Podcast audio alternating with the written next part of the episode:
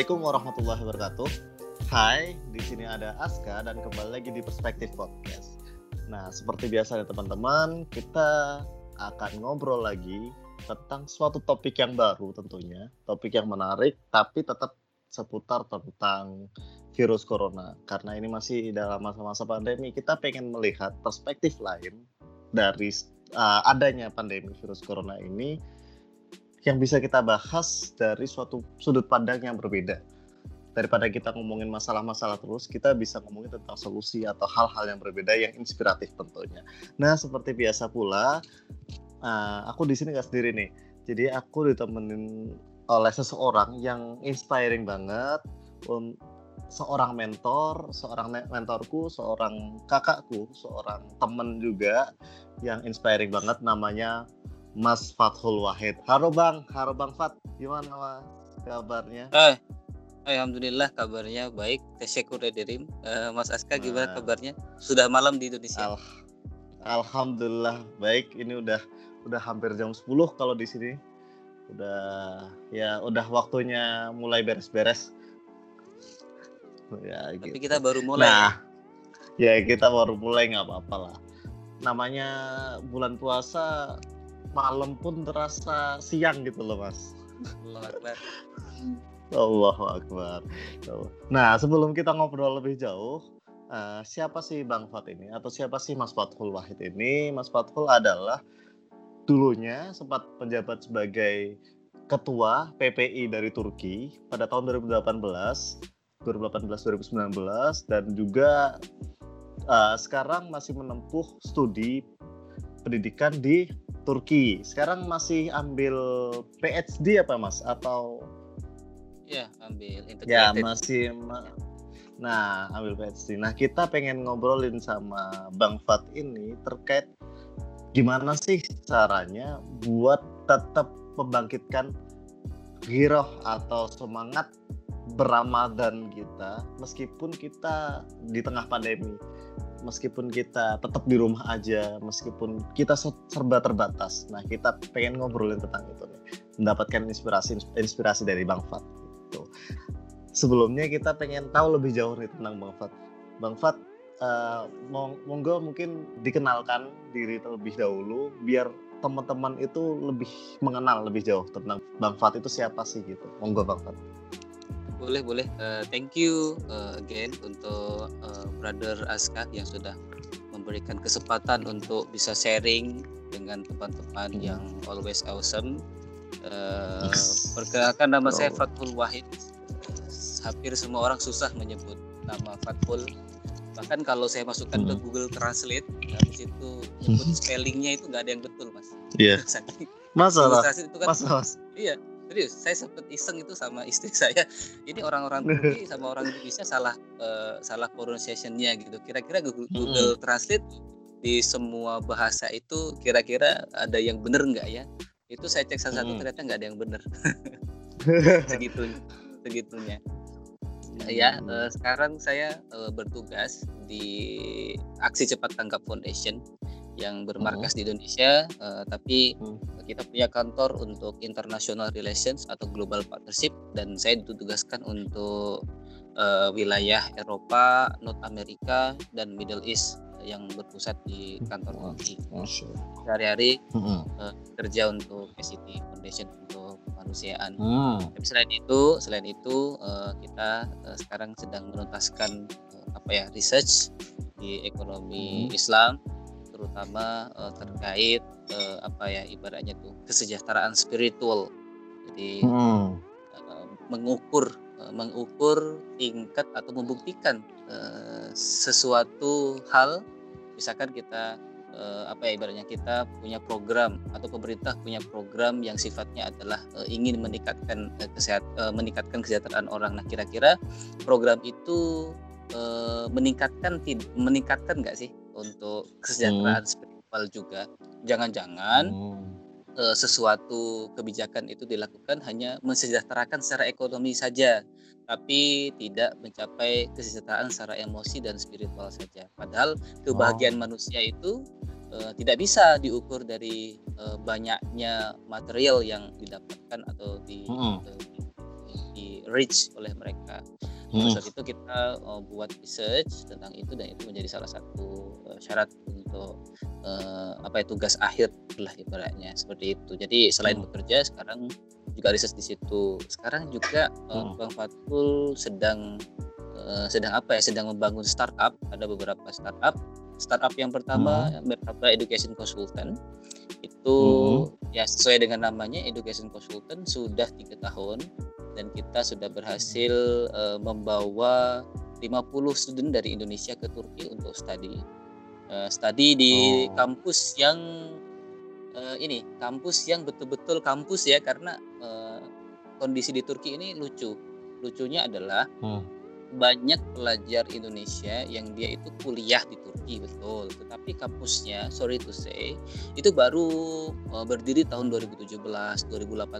So nggak well known lah nggak well known oh iya uh, kita di sini datang sebagai ya penawar penawar apa penawar solusi yang second one kita punya instan beli instan beli itu seperti platform seperti gd.id atau apa Tokopedia dan seterusnya tetapi untuk uh, di Turki untuk di Turki untuk meningkatkan mm. UMKM Turki so kita buatkan oh. platform itu supaya ibu-ibu ya kan adik-adik anak-anak ya kan itu bisa melakukan transaksi uh, jual beli barang-barang diperlukan dari Indonesia uh, ke Turki atau dari Turki ke Indonesia uh, supaya hmm. lebih safety, lebih secure, ya kan ada verifikasinya, hmm. ada itunya, karena um, banyak juga pembisnis-pembisnis yang ya setiap dunia bisnis pasti pasti ada yang hitam lah hmm. kita di sini menawarkan solusi yaitu uh, instan beli dengan menggunakan platform itu. Nah sekarang dalam proses development,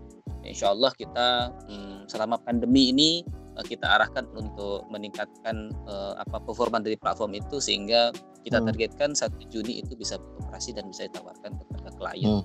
Jadi aktivitasnya kurang hmm. lebih seperti itu. Even sebetulnya masih banyak aktivitasnya.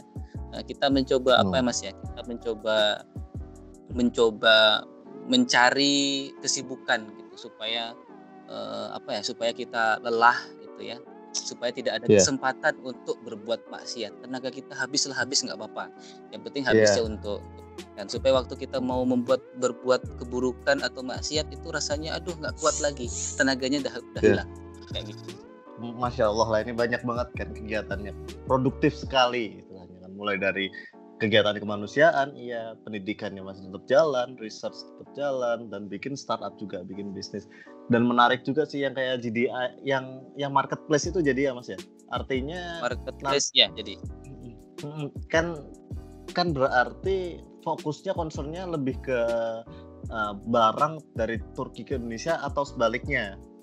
Dua-duanya dua-duanya. Uh, so kita yeah. so kita betul-betul kalau misalkan ya kita ada ciri khas lah kalau misalkan untuk Turki hmm, kan yeah. memang kebutuhan untuk barang-barang dari Indonesia hmm, ke hmm. Turki itu sendiri hmm. memang banyak kebutuhan uh, di dalam banyak hal hmm. ya untuk hotel untuk yeah. apa dan seterusnya maybe uh, bisa dapatkan dari situ kemudian hmm. untuk dari Turki ke Indonesia pun juga ada ciri khasnya ya ciri khasnya yang barang-barang yeah. Turki barang-barang Middle East dan menurut saya itu juga belum uh, belum ada platform yang memang uh, jadi apa ya jadi jadi uh, ini utama sumber utama oh ini loh memang uh, ininya um, apa barang-barang yang emang betul-betul dari all Middle East yang yeah.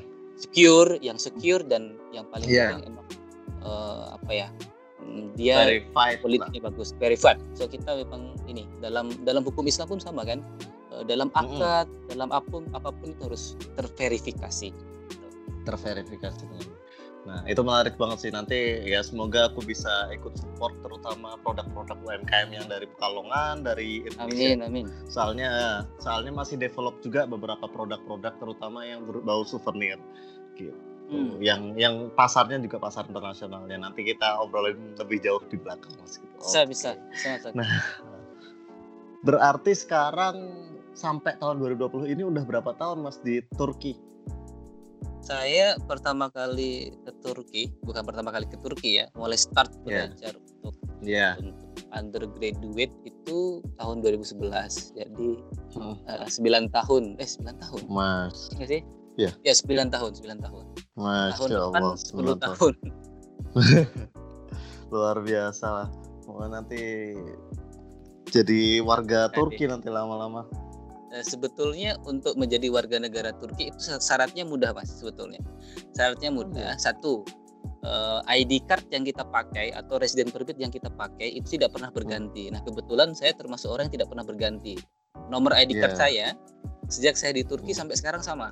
Ibaratnya NIK-nya lah. Ah. NIK-nya sama. So, itu pertama. Nah itu bisa uh, dalam 8 tahun itu nggak bisa berganti tidak tidak berganti. Itu berhak untuk mengajukan warga negara dan yang kedua uh, dia bekerja hmm. resmi di Turki itu hmm. dia bekerja resmi di Turki bukan di startup atau mungkin komunitas atau apa bukan ya tapi betul-betul mendapatkan hmm. uh, pekerjaan secara formal di Turki nah kemudian kalau untuk SCT kan dia belum resmi ya belum punya hmm. legal di Turki hanya kantor representatif nah uh, kalau andai kata ACT dia punya sudah mendapatkan legal dari pemerintah Turki uh, bisa jadi tuh saya bisa mengajukan uh, paspor merah versi Turki. Tapi saya tidak berpikir. Saya masih cinta dengan Indonesia. Ya, tapi berarti bisa ya bisa seperti itu. Kalau soalnya kan kalau kayak di Australia kalau nggak salah ada ada resident permit dia punya izin tinggal apa ya permanen atau apa gitu. Meskipun tidak hmm. jadi warga negara sana tapi punya ada sertifikat seperti itu. Kalau di Turki juga ada di sini ada sebetulnya untuk permanen resident permit. Yeah, Memang namanya yeah. permanen, namanya permanen tapi tetap dia harus di renew setiap tahun. Oh. Gitu. Dia permanen tetapi tetap harus di uh, renew setiap tahun terutama uh, terkait dengan asuransi-asuransi Mas ya. Asuransi pekerjaan, asuransi kesehatan seperti oh. itu kan biasanya biasanya kontraknya atau kita submit beli dan seterusnya itu memang satu tahun periodenya nah itu perlu dilaporkan hmm. Oke, menarik, menarik. Nah, soalnya ya itu sih ada beberapa teman juga yang kayak tinggal di Australia memperjuangkan hal itu. Gitu. Kalau kita memperjuangkan uh, dui keluarga negaraan, mas, sebetulnya. Bisa ya tapi. Uh, pemerintah kita, uh, pemerintah Turki membolehkan, bahkan tri, tri keluarga negaraan pun boleh Turki itu. Hanya uh, di kita di Indonesia. pemerintah Indonesia Indonesia yang Padahal seru itu mas kalau ada. kalau ada seru. Seru, maksudnya nggak nggak perlu meninggalkan Indonesia gitu loh untuk mendapatkan keluarga negara lain. Ya. Berarti sekarang tinggal di mana mas? Sekarang dengan istri uh, di Istanbul, di dalam hmm. benteng. Uh, jadi Istanbulnya di dalam benteng. Warga Konstantinopel kita. uh, Istanbul luas Istanbul luas. Jadi hmm. di sini hmm. termasuk yang COVID-nya parah sebetulnya. Pokoknya kalau di dalam yeah. benteng itu kan kota tua ya, padat penduduk uh, hampir uh, hampir berapa puluh ya, hampir 30 hmm. persen itu ada di dalam benteng semua. Itu mas. Hmm.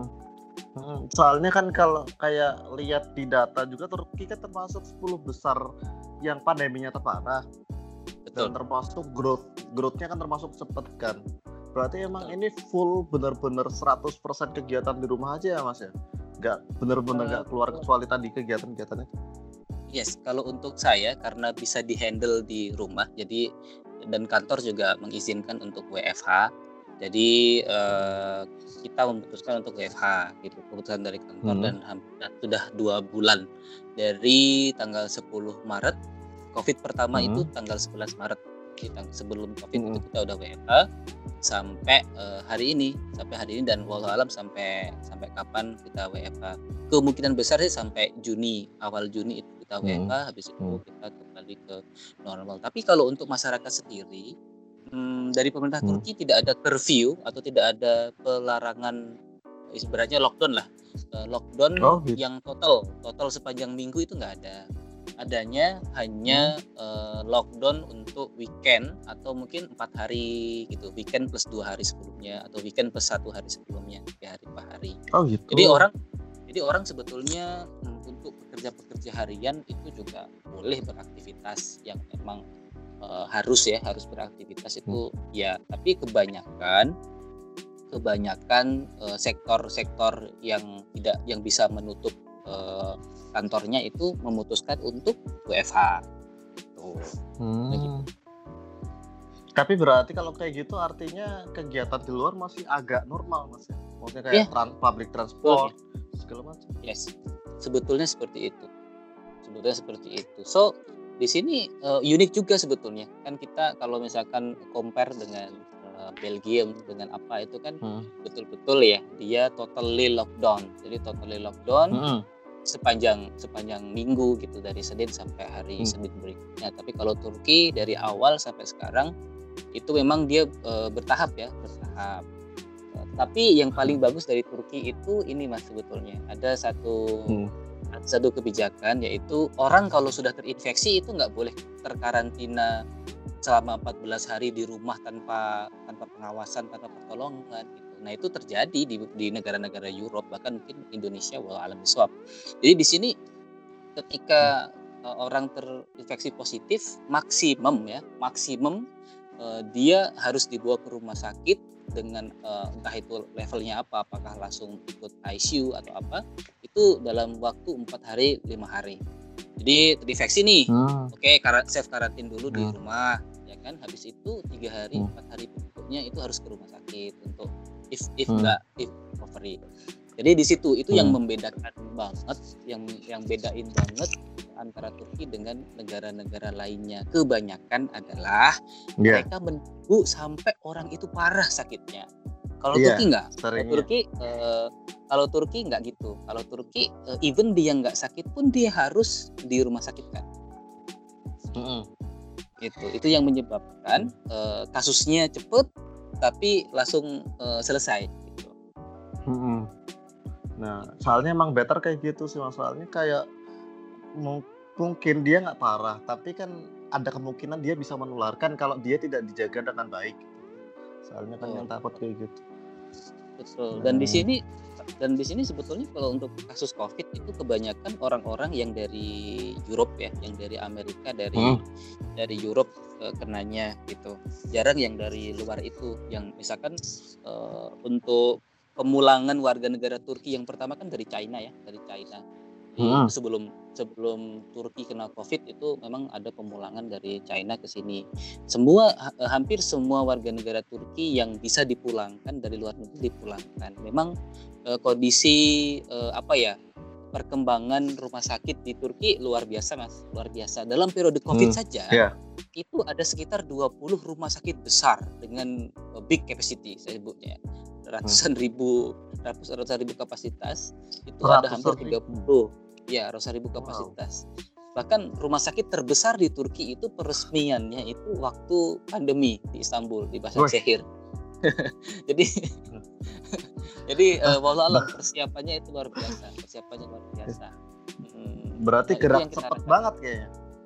Uh, ya, Turki gerak cepat mas. Turki gerak cepat. Bahkan uh, untuk edukasi uh, COVID sendiri, oke okay, memang tidak dilakukan ya oleh pemerintah Turki secara masif seperti yang dilakukan oleh Trump atau mungkin uh, uh, Boris Johnson di UK tapi jadi hmm. waktu hari pertama COVID tanggal 11 Maret itu tak itu di minggu pertama minggu pertama itu langsung diambil semua jenis kebijakan mas. Kebijakan yang pertama masjid-masjid tidak boleh ada sholat jamaah. Itu empat hari setelah first case daripada COVID. Langsung. Langsung gitu. Hari hari hari plus dua setelah covid itu semua jenis aktiviti uh, sosial entah itu conference hmm. entah itu apa pun itu semua harus di cancel tag hmm. kampus-kampus langsung diliburkan selama 2-3 minggu hmm. diliburkan ya karena tidak ada hmm. kejelasan seperti itu hmm. jadi uh, di situ uh, betul-betul tuh uh, AVM saya bilang AVM uh, mall-mall mall-mall kemudian hmm. uh, salon Hmm. Kemudian tempat-tempat yang bisa berkumpul dan memang harus bersentuhan itu betul-betul ditutup. Betul-betul ditutup hmm. uh, apa namanya hingga satu bulan. Seperti itu. Tentu hmm. ini ada resikonya. Resikonya pemerintah memberikan bantuan uh, berapa yeah. tidak salah itu sampailah uh, 4-5 triliun untuk UMKM dan seterusnya. Hmm. jadi uh, dan itu terjadi sampai sekarang dan itu terjadi sampai sekarang betul. Ya itu terjadi sampai sekarang. Bahkan di under under Kementerian Sosial itu ada satu gerakan namanya WEFA WEFA Hareketi atau gerakan balas budi untuk orang tua untuk masyarakat ini WEFA. Uh, itu hmm. betul-betul uh, dana. Jadi uh, pemerintah Turki ada ada gerakan saling membantu satu sama lain lah satu sama lain hmm. itu tinggal ketik aja di SMS gitu Rex pasti apa itu sebesar 10 10 Turkish lira atau 20 ribu aja. Sekarang hmm. jatuh banget Turkish lira satu Turkish lira equal to 2000 2000 rupiah. Ngeri banget tuh mas. Tadinya tadinya? tadinya 3000 jadi luar biasa. Wow, wow. ya 3000 luar biasa. Jadi hmm, itu sih eh, pemerintah Turki tegas. Jadi ketika terjadi COVID langsung disuppression ada menggunakan metode suppression langsung hmm. seperti itu itu sebabnya eh, apa di sini lumayan cepat perkembangannya dia cepat naik tapi cepat turun justru yang dia hmm. lambat naik dia bakal lambat turun man karena yeah. susah untuk mencapai peaknya yang kita yang hmm. kita inginkan adalah covid ini segera sampai peak supaya bisa turun gitu hmm. kalau misalkan nggak sampai peak nggak bisa turun hmm.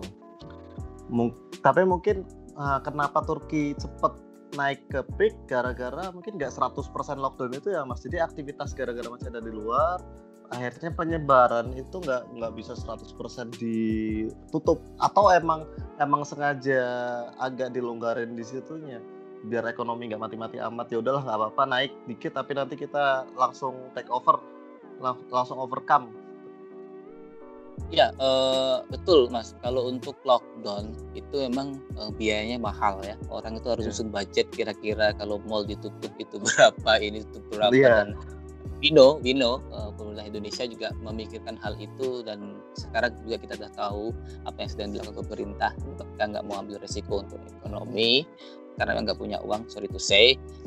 Hmm. kalau di Turki, uh, di Turki kalau di Turki sebetulnya kalau kita bisa bilang salah satu penyebabnya kenapa uh, yes penyebabnya memang satu uh, tidak ada lockdown secara total lockdown hmm. secara total sepanjang hari lockdown. Yang kedua uh, adanya um, pemulangan warga negara Turki dari berbagai negara ke Turki itu juga hmm. menambah uh, menambah jumlah yeah.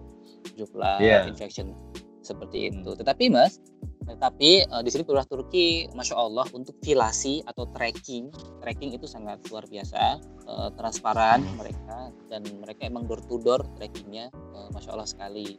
Dan hmm. salah satu kebijakan yang sempat membuat eh, kita warga negara Indonesia itu kaget itu adalah pelarangan keluar rumah bagi under 20 dan di atas 65 tahun. Jadi kalau oh. misalkan Mas oh. Aska ini usianya 20 tahun atau 19 tahun itu nggak boleh nggak boleh oh, keluar gitu. rumah dari minggu pertama COVID sampai uh, beberapa hari yang lalu. Gitu. Kenapa? Karena hmm, kebanyakan virus itu uh, tidak ditular, di, tidak ditularkan oleh orang-orang dewasa sebetulnya.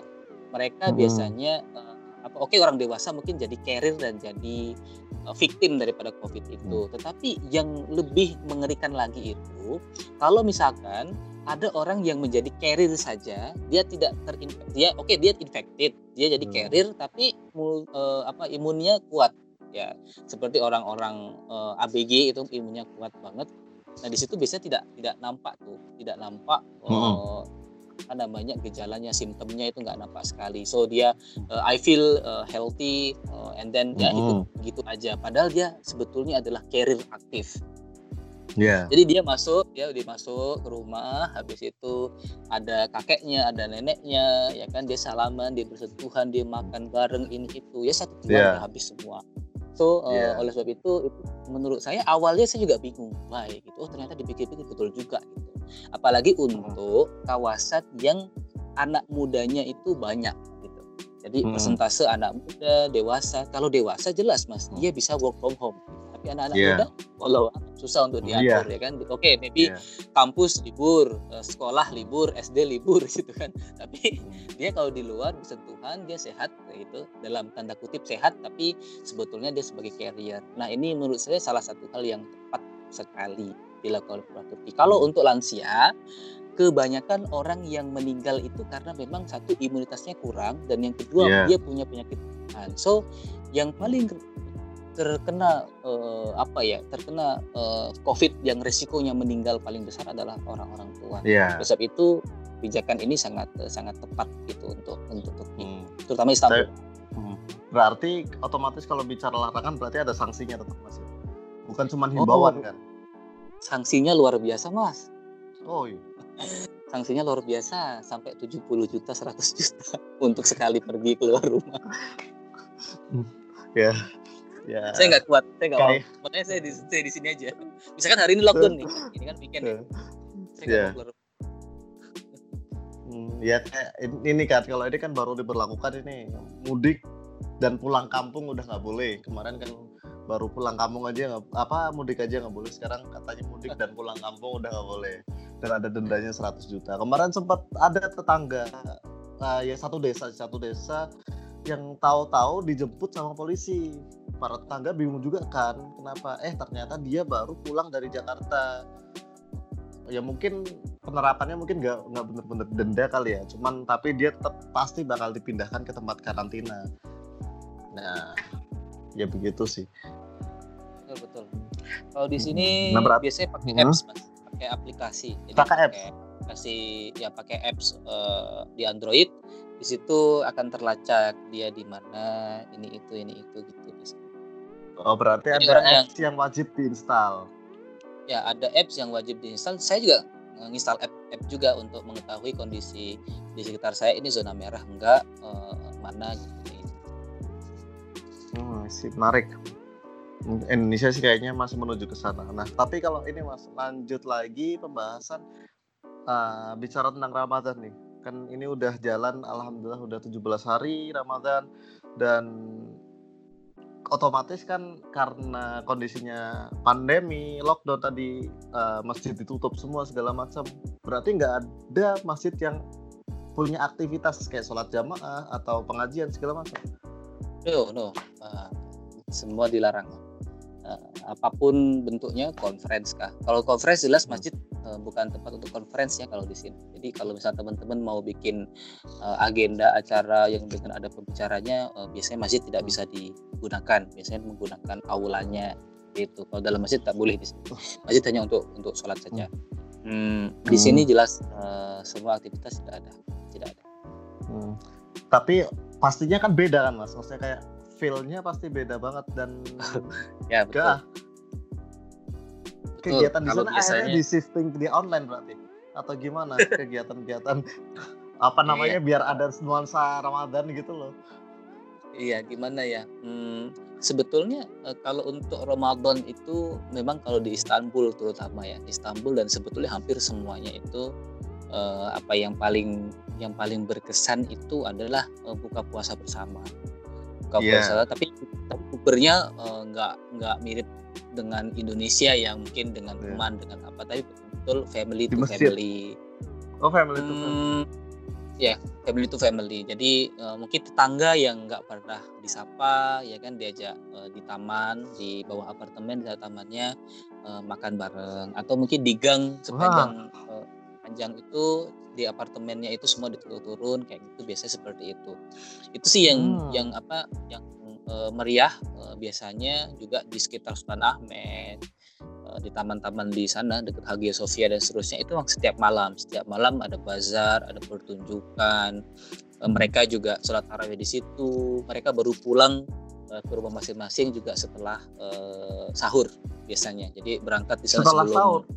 ya berangkat di sana sebelum buka puasa nanti pulang ke rumah uh, setelah sahur. Seperti itu kalau di Istanbul biasanya. Tentu ini nggak ada lagi sebab uh, jangankan bikin ini ya bikin buka puasa bersama. Uh, saya sama istri ke pantai gitu aja pasti ada polisi gitu kan. Polisi nanya-nanya hmm. where is your ID card? gitu kan pasti nanya seperti itu. Uh, ya tentu beda banget mas. Itu beda banget atmosfernya juga beda banget. Kita nggak Ramadan pun kita juga rasanya bosen ya di rumah ya apalagi saya udah yeah. hampir bulan di rumah WFH dan hmm. hanya keluar rumah kalau mau belanja aja hmm, hmm. itu aja udah ngerasa bosan apalagi di Ramadan seperti ini pasti ngerasa bosan kayak gitu sih jadi memang hmm. ngerasa banget perbedaannya banget banget hmm. ya soalnya kalau kalau bicara di sini sih tetap ya agak beda walaupun kalau aku di Pekalongan kan karena daerah yang mana kasusnya emang masih rendah orang masih banyak yang cuek nih mas. Jadi perubahannya emang kelihatan tapi nggak nggak sedrastis ya kayak di Jakarta segala macam. Jadi masih banyak orang jualan di pinggir jalan gitu. Yang itu yang sebenarnya agak bikin aku resah sih kayak uh, resah dalam apa resah dalam arti kayak ini kalau tetap kayak gini nanti ketika ada kasus yang nggak ketahuan bahaya gitu. Ada Betul. ada rasa seperti itu Iya, kalau di kita kita percaya tiga hal sih mas kalau untuk COVID ini satu uh, mesave atau distance atau kita sebutnya social distancing itu the important one dan yang kedua itu adalah kalau bahasa Turkinya temas atau sentuhan menghindari hmm. sentuhan hmm. yeah. social distancing hmm. yang ketiga itu adalah uh, filasi atau tracking itu adalah kunci hmm. utama Turki untuk hmm. untuk menggains COVID ini. Jadi kalau hmm. Indonesia dia yeah. mau seperti Turki ya tiga itu menjadi syarat utama. Ya, emang penting banget sih, emang penting poin-poin ya. itu emang penting banget diterapkan. Tapi perlu ini mas, nah, perlu kerjasama banget antara pemerintah dengan dengan masyarakat. Wah alam, saya nggak nah, tahu gimana sih. Nah itu sih, itu yang yang perlu edukasinya yang penting sih. Emang sekarang masih digalakan gitu kan banyak orang yang menggalakkan cuman kadang yang apa namanya masyarakat yang level middle, to low yang menengah ke bawah itu kadang agak susah. Karena ya satu edukasinya mungkin lebih rendah dan yang kedua kebutuhan terkait perut mereka gitu kan. Artinya kebutuhan pangan itu masih menjadi isu terbesar di mana isu itu belum belum bisa apa ya terbackup dengan baik gitu loh dari kebijakan pemerintah atau dari sumbangan-sumbangan dari tempat yang lain gitu. Yes, yes. Nah, nah terus sama ini mas, jadi kayak uh, kemarin nggak sengaja sih beberapa waktu yang lalu ngobrol sama temen. Jadi ada pernyataan menyarik dari temen, dia bilang kayak gini, kak ngerasa nggak sih Ramadan ini itu agak berbeda gitu. Dia bilang kayak gitu, agak berbeda dalam arti kok nggak tahu ya kok rasanya kayak nggak se sesemangat biasanya gitu. Dia bilang kayak gitu. Tapi nggak tahu kenapa gitu kan. Aku kalau tuh rasain dalam diri juga kok kayaknya semangatnya beda nih sama hari-hari biasa. Tapi asumsiku apa gara-gara terlalu banyak mikirin pandemi akhirnya kayak seakan-akan apa ya semangatnya itu kegeser gitu loh kegeser yang tadinya biasa ke full ke Ramadan sekarang keusik gara-gara ada pandemi